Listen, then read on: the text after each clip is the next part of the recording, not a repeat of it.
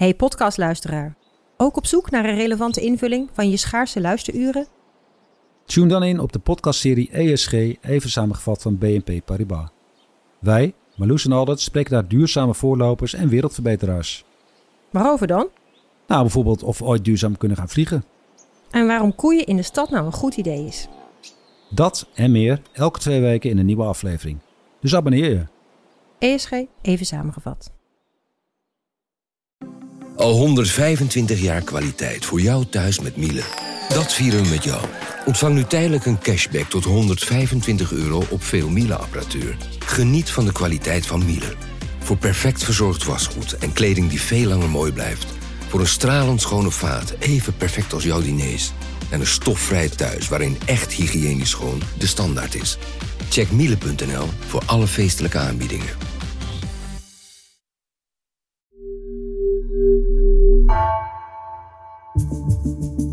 Vanaf de redactie van NRC het verhaal van vandaag.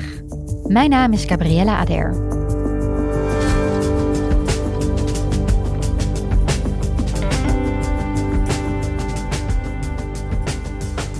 Nog altijd worden er in Nederland op grote schaal proefdieren gebruikt. Waaronder de populaire honden Beagles. Redacteur Liam van der Ven vroeg zich af waarom juist op deze honden testen worden uitgevoerd. En wat er met hen gebeurt na hun leven in het lab.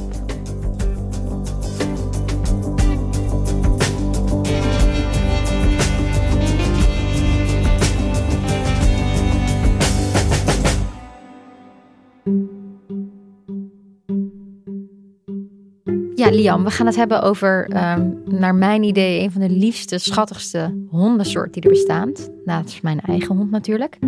Namelijk de Beagles. Wat zijn beagles precies?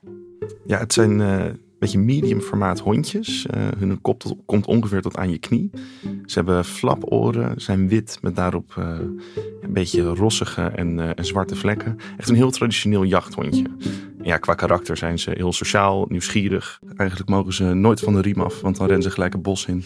omdat ze ja, altijd wel wat nieuws vinden om mee te spelen. Dus het zijn heel energieke hondjes. En koppige hondjes volgens mij. Zeker. Uh, ja, hoe graag ik het ook zou willen. Dit is niet de Natte Neuzen podcast.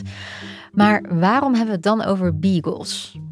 Nou, mijn collega Sarah Ouwerkerk, uh, die keek onlangs op een dierenadoptiewebsite. En uh, die zag daar allerlei kopjes staan. Honden, katten, knaagdieren. En ook het kopje proefdieren. En daar klikte zij op en wat ze verwachtte te zien waren muizen, ratten en andere ja, stereotypische proefdieren. En in plaats daarvan trof ze 35 beagles aan. Dus wij vroegen ons af, hè, hoe komen die beagles uh, hier op deze site te staan ter adoptie? Maar ook, zijn dat dan proefdieren? Ja, precies. Ik had daar nog nooit van gehoord om eerlijk te zijn, uh, dat beagles als proefdieren werden gebruikt. Dus we zijn op onderzoek uitgegaan en dan kom je al heel snel uit bij de Stichting Hulp en Herplaatsing Huisdieren van Ed Pols.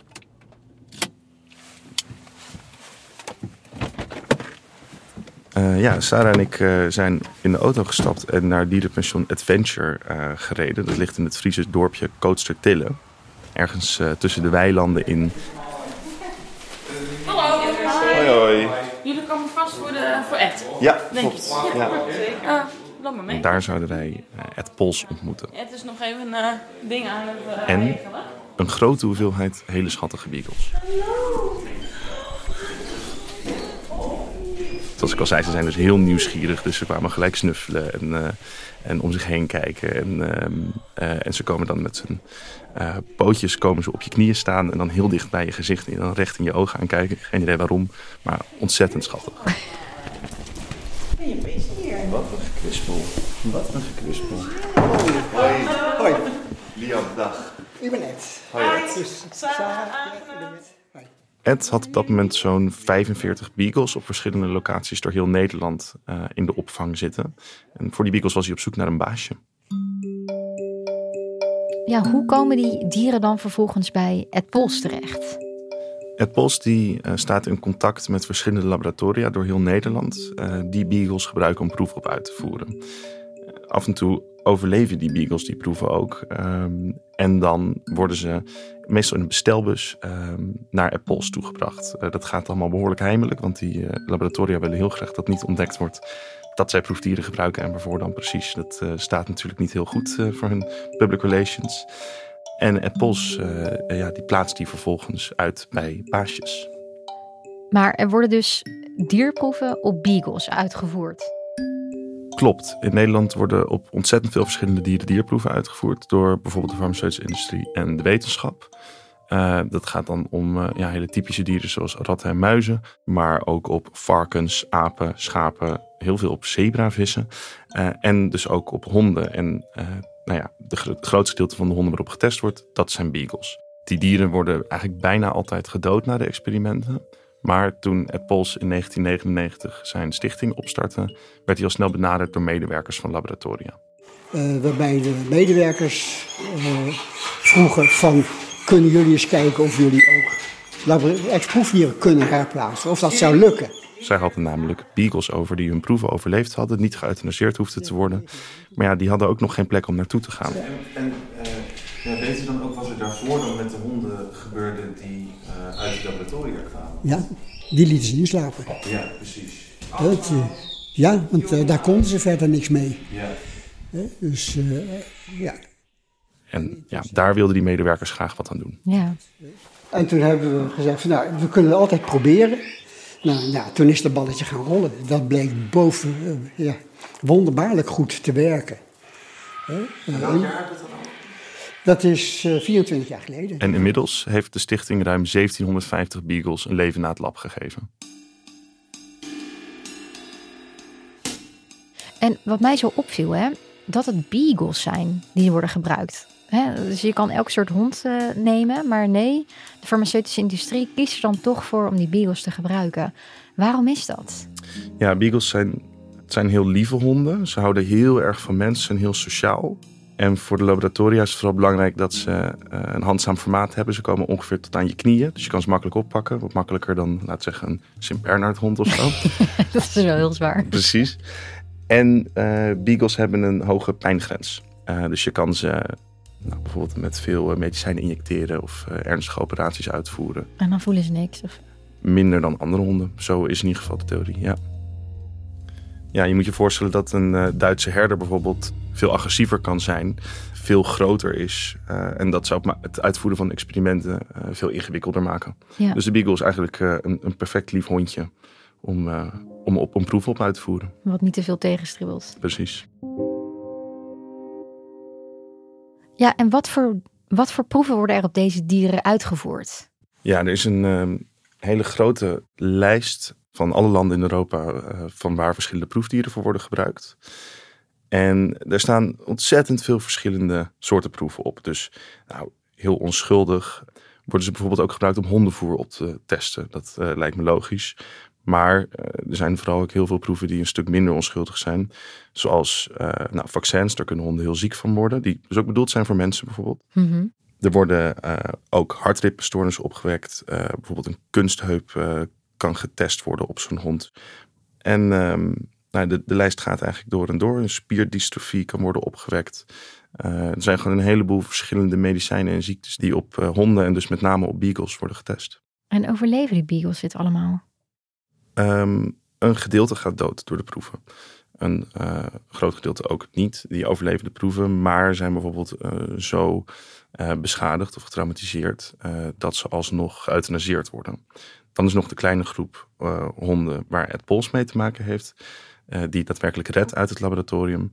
Daar zijn meestal geen ernstige tests op uitgevoerd. Maar die zijn dus wel een hele puppyperiode uh, in zo'n lab geweest. Ja, ze zullen ook wel wat mentale schade aan overgehouden hebben. Zeker, ze zijn uh, niet gesocialiseerd, niet opgevoed. En eigenlijk bang voor alles.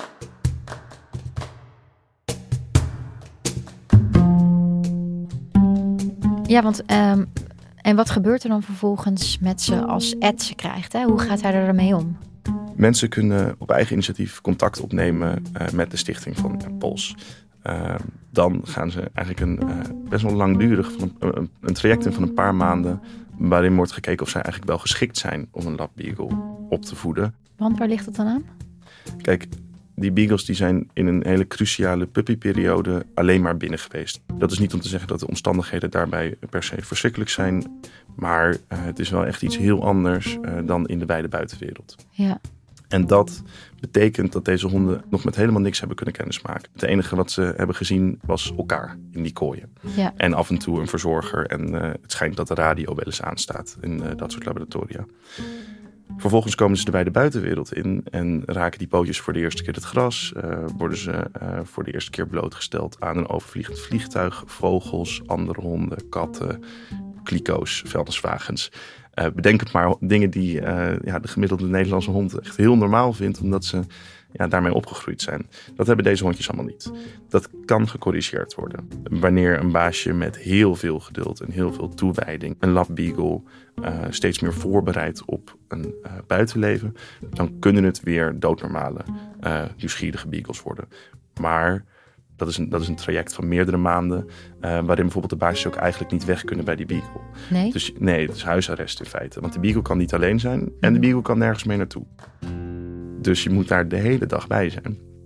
En dan langzaam maar zeker wordt dat natuurlijk beter. Dus dan eh, kun je zo'n beagle misschien een keertje meenemen naar de parkeerplaats toe. Nou, dat, dat is al een hele grote stap. Want dat is dus eigenlijk pas de tweede indruk die zo'n hond krijgt. Je had eerst jouw woonkamer en vervolgens jouw parkeerplaats. Het lijkt gewoon een soort dystopische film of zo, als je dat zo uitlegt. Het is een hele. eh, nou, als je in gaat beelden in het leven van die hondjes, dan hebben zij een heel vreemd, eh, vreemd leven. Ja. Klopt. Klopt. Ja, het is wel dus waar normaal vaak wordt gekeken of een hondje in een gezin past, wordt nu meer gekeken of, of eigenlijk de, het gezin bij de hond past. Zeker. En daar heeft de stichting dus ook een hele strenge selectieprocedure voor opgesteld. Dus je moet een boek lezen. Er komt iemand bij je op huisbezoek. Je moet een, een test afnemen. Je hebt wel twee telefoongesprekken. En dan uiteindelijk, als je dat allemaal bent doorgekomen, dan mag je zo'n hond adopteren. En nou wat Ed Bos heeft gezien, is dat mensen die zo'n hondje wilden redden, die kwamen hem eigenlijk binnen de kortste keren weer terugbrengen. Een hond die jij dan zogenaamd redt uit het lab, omdat je het zielig vindt, eh, die is jou niet dankbaar. Want die hond snapt er helemaal niks van. Die snapt niet dat het een geredde hond is. Nee, die eh, vraagt andere dingen van je. Het is een, eh, niet een beschadigd, maar wel een heel ingewikkeld hondje wat je in huis neemt. En die, die snapt niet dat jij iets eh, fantastisch heldhaftigs doet omdat je hem in huis neemt. Hoeveel, hoeveel van die lab beagles zijn er eigenlijk? Heb je daar enig zicht op? Nee, eh, we hebben wel een soort indicatiecijfer. We weten bijvoorbeeld dat er in 2021 906 proeven zijn uitgevoerd op honden. Oké. Nou, de meeste van de honden in de proefdierenindustrie zijn beagles. Maar wat we niet weten is hoeveel proeven er per dier zijn uitgevoerd. Mhm. Want hè, een hele heftige proef die kun je maar één keer uitvoeren. Maar een proef voor hondenvoer niet. Dat, eh, dat kan best eh, zijn dat er vijf proeven op een dier zijn gegaan of veel meer. Mhm. Daar hebben we geen inkijk in. Wat we wel weten is dat er bij Ed Pols jaarlijks 120 beagles aankomen. En wat we ook weten is dat laboratoria alleen onbeschadigde beagles naar woord, maar dat is wel echt hoe je erover na moet denken. Mhm. Beagles die nog helemaal intact zijn, die worden met Pols meegegeven. En alle andere beagles waar echt iets mee aan de hand is en waar heftige tests zijn uitgevoerd, die, eh, die worden geëuthanaseerd door de laboratoria. Ik krijg echt kippenvel van, toch? Je wil niet weten wat ermee is gebeurd. Ja. En hoeveel proefdieren hebben we in Nederland überhaupt eigenlijk? Is daar iets van bekend? Ja, dat is ook een beetje onduidelijk. Maar eh, er is een overheidsrapport. En daaruit blijkt dat in 2021 er iets meer dan 420.000 dierproeven zijn uitgevoerd in Nederland. Nou ja, daar geldt weer hetzelfde. We weten het aantal proeven, maar niet het aantal dieren waarop de proef is uitgevoerd. Wat ook nog belangrijk is om mee te nemen, is dat niet op elk dier überhaupt een proef wordt uitgevoerd. Dus het kan ook zo zijn dat een beagle een heel leven lang in het lab heeft geleefd. ehm, maar dat er nooit op getest is en dat ze vervolgens naar het pols toe worden gestuurd. Dus het zijn hele vage cijfers. Als we het nu toch even hebben over die dierenproeven in Nederland in het algemeen. Hè? Wanneer mag je eigenlijk dierenproeven uitvoeren? Op een of andere manier dacht ik dat dat echt al lang afgeschaft was. Ja, dierproeven ehm, van de cosmetische industrie, die zijn helemaal verboden. Maar voor de farmaceutische industrie mogen ze nog wel gebruikt worden. Oh, dat is het verschil. Het. Precies. Ja. Sterker nog, er zijn een boel medicijnen eh, die eerst op dieren moeten worden getest voordat er überhaupt eh, naar testen op mensen kan worden overgegaan. Dus, daar kunnen laboratoria ook niet altijd iets aan doen. Dat wordt dan juridisch vastgelegd. Ehm, nou ja, wanneer mag of moet dat dan? Eh, er is één instantie in Nederland die vergunningen voor dierproeven mag uitgeven. En dat is de Centrale Commissie Dierproeven. En hun uitgangspunt is nee tenzij. Wat bedoel Dus- je daarmee? Ja, als er alternatieve testmethoden bestaan, mag een dier niet worden ingezet. Maar ja, dat eh, bestaat niet, eh Nee. niet alle, alle testen. Nee. En als ze een vergunning overwegen, dan wegen ze de voordelen voor de mensen, dieren of de maatschappij af tegen het verwacht ongerief voor het dier. Verwacht ongerief, dat is dus dierenleed. Ja. En het is, het lijkt mij duidelijk dat dit soort dierenproeven inderdaad voor veel dierenleed zorgt. Maar ja, hoe, wordt er naar de, hoe ziet de toekomst eruit, denk je hiervoor? Ja, in eh, 2016 zei staatssecretaris van Economische Zaken van de PvdA, Martijn van Dam, dat het kabinet streefde om Nederland in 2025 wereldleider te maken in het vervangen van dierproeven door andere alternatieven.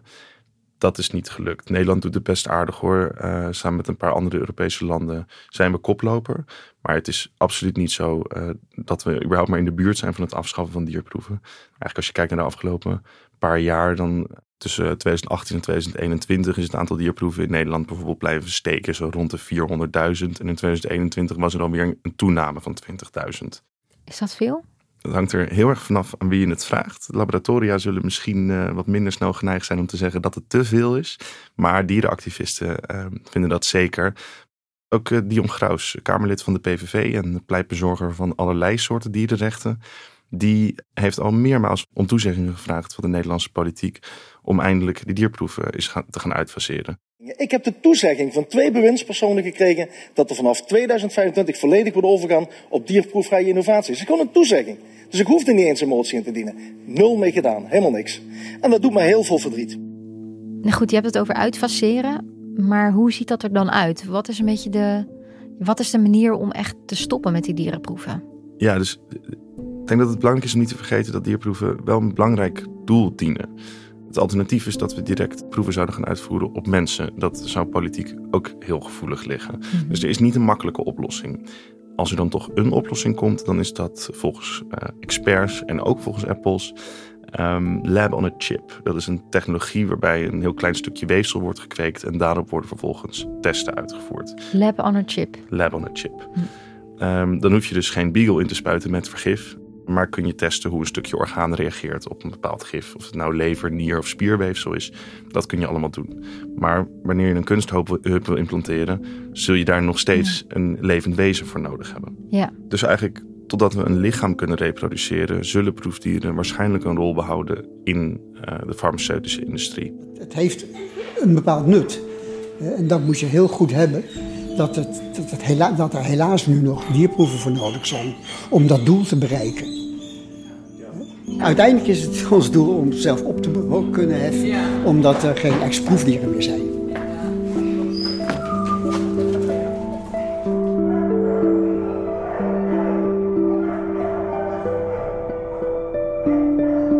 Dankjewel, Liam. Alsjeblieft.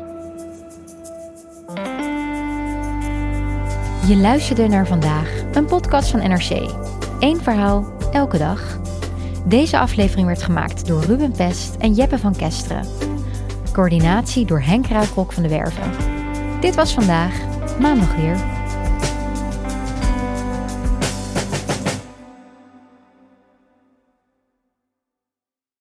Technologie lijkt tegenwoordig het antwoord op iedere uitdaging. Bij PwC zien we dit anders. Als we de potentie van technologie willen benutten, kunnen we niet zonder een menselijk perspectief. Human-led, tech-powered noemen we dat. Ga naar pwc.nl.